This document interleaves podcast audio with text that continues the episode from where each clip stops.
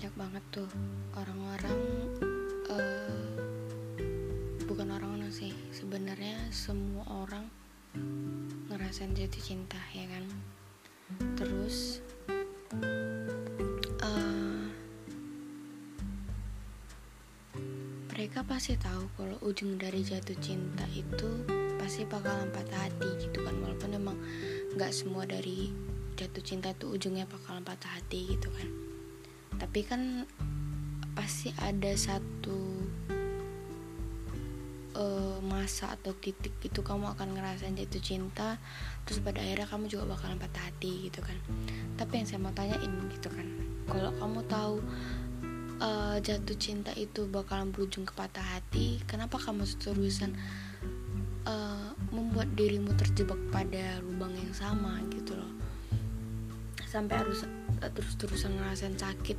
Hati dikecewain sama orang yang kamu benar-benar sayang bener kayak yang kamu cinta gitu kan. Tapi tetap aja mau masuk ke dalam lubang sakit gelap itu gitu. Saya nggak tahu kenapa mungkin karena emang awalnya itu manis banget terus kamu nggak mikir itu bakalan jadi suatu bumerang untuk diri kamu ke depannya gitu kan saya nggak tahu tapi mungkin kadang orang untuk jatuh cinta itu dia nggak mikir bak apa bakalan apa yang terjadi ke depannya gitu. Dia bakal mikir hmm, dia ah, misalnya dia nggak bakal mikir kalau dia bakal ngerasain sakit hati dia nggak bakal mikir kecewanya pada orang yang dia sayang itu gitu kan. Saya rasa itu gitu. Tapi terkadang emang saya akui kalau jatuh cinta itu emang mengasihkan dan menyenangkan. Karena sebahagia itu gitu loh ngerasain jatuh cinta. Deket sama orang yang kita sayang. Terus bisa sama-sama sama orang yang kita sayang gitu kan. Walau pada akhirnya uh, ekspektasi kita itu nggak sesuai dengan rencana kita gitu loh. Kita kan berharapnya terus-terusan berada di fase yang bahagia terus gitu kan. Padahal sebenarnya hidup itu nggak melulu tentang kebahagiaan gitu kan. Pasti ada masanya kita bakal ngerasain sedih juga gitu kan. Karena emang hidup itu kalau misalnya seneng-seneng terus itu kayak nggak asik gitu ya kan. Bukan asik sih cuman memang kodratnya hidup itu bakalan kita ngerasain namanya sakit hati gitu kan karena dunia ini tuh terusan berputar nggak selamanya kita berada tetap di atas awan seneng-seneng segala macem gitu kan. Bakal pasti ada kita di bawahnya gitu kan. Sampai juga kayak kita ngerayain kesuksesan gitu kan.